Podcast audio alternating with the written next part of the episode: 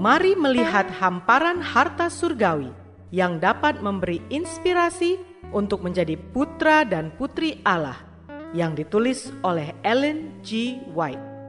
Melalui renungan pagi ini, kita akan mempelajari nasihat yang menguatkan dan memberi semangat untuk memperbaiki karakter kita. Bersama Mana Multimedia Ministry, selamat mendengarkan.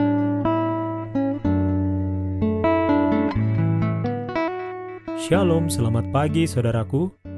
Renungan pagi kita hari ini, 3 September berjudul Kesetiaan dalam Perkara-Perkara Kecil. Bersama saya, Johannes Ruhupati. Ayat intinya diambil dari Lukas 16 ayat 10. Demikian firman Tuhan. Barang siapa setia dalam perkara-perkara kecil, ia setia juga dalam perkara-perkara besar dan barang siapa tidak benar dalam perkara-perkara kecil, ia tidak benar juga dalam perkara-perkara besar. Mari kita dengarkan penjelasannya.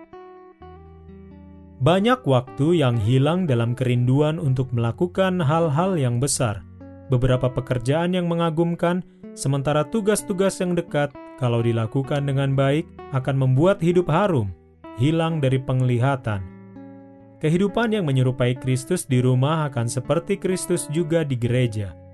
Pengabaian terhadap tugas-tugas kecil dalam upaya mencapai pekerjaan yang besar itulah yang merusak kehidupan banyak orang.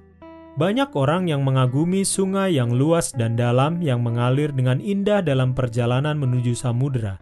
Itu layak dikagumi, karena sungai itu sedang melakukan pekerjaan yang ditentukan baginya – tetapi bagaimana dengan ribuan anak sungai dari sisi gunung yang membantu memperbesar aliran yang bagus ini? Memang benar sungai-sungai itu kecil dan sempit, tetapi itu sangat diperlukan. Karena tanpanya, sungai besar pun tidak akan ada. Semuanya bersatu melakukan pekerjaan yang ditentukan dalam menyuburkan bumi. Jalurnya melalui ladang dan padang rumput dapat ditelusuri dengan tanaman hijau yang hidup melapisi gundukan tanah. Demikianlah sungai-sungai itu menjalankan rencana Allah dan menambah kemakmuran dunia. Sungai yang besar itu telah menggunakan saluran melalui perbukitan yang abadi, tetapi sungai kecil itu sama pentingnya dengan sungai besar. Setiap anggota perseorangan bertanggung jawab untuk kemakmuran gereja. Dunia ini penuh dengan pekerjaan bagi Tuhan. Semua hari-hari membawa beban perhatian dan tanggung jawabnya dan jika seseorang mengabaikan pekerjaan yang ditugaskan kepadanya, beberapa kepentingan sakral lainnya menderita. Saudaraku yang dikasihi di dalam Tuhan, perhatian penuh nurani terhadap apa yang disebut dunia sebagai hal-hal kecil, inilah yang membuat keindahan dan kesuksesan besar dalam hidup. Perbuatan amal yang kecil, kata-kata kebaikan yang kecil, tindakan penyangkalan diri yang kecil, peningkatan kesempatan kecil yang bijaksana, pengembangan bakat-bakat kecil yang rajin membuat orang-orang besar di pemandangan Allah. Sopan santun yang penuh pengertian yang dimulai dari keluarga kita dan meluas keluar lingkaran keluarga membantu mencapai jumlah kebahagiaan hidup. Doa kita hari ini, Terima kasih Bapa oleh karena Engkau masih mengasihi kami sampai hari ini. Kami boleh terbangun dengan badan yang segar dan penuh dengan damai sukacita oleh karena firman indah yang selalu kami dengar dan kami renungkan setiap hari.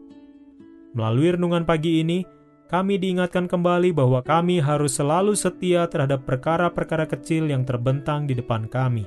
Kami boleh melakukan dengan setia setiap pekerjaan, pelayanan yang Engkau percayakan kepada kami, agar melalui perkara kecil yang Engkau percayakan untuk kami lakukan, semua itu hanyalah untuk kepujian dan kemuliaan bagi nama Tuhan. Tolong ajar kami hari demi hari Bapa, agar kami boleh melakukan pekerjaan surgawi dan menjadi terang kecil yang boleh dilihat oleh banyak orang, sehingga kami dapat membawa mereka untuk menerima terang besar yang akan menjadi suatu kabar sukacita bagi banyak orang.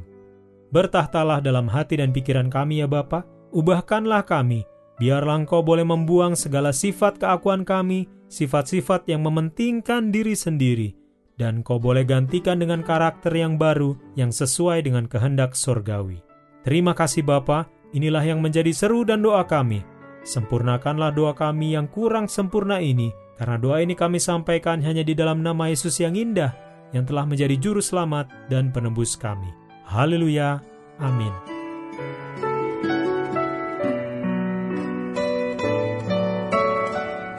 Demikianlah tadi pembahasan tentang menjadi putra dan putri Allah.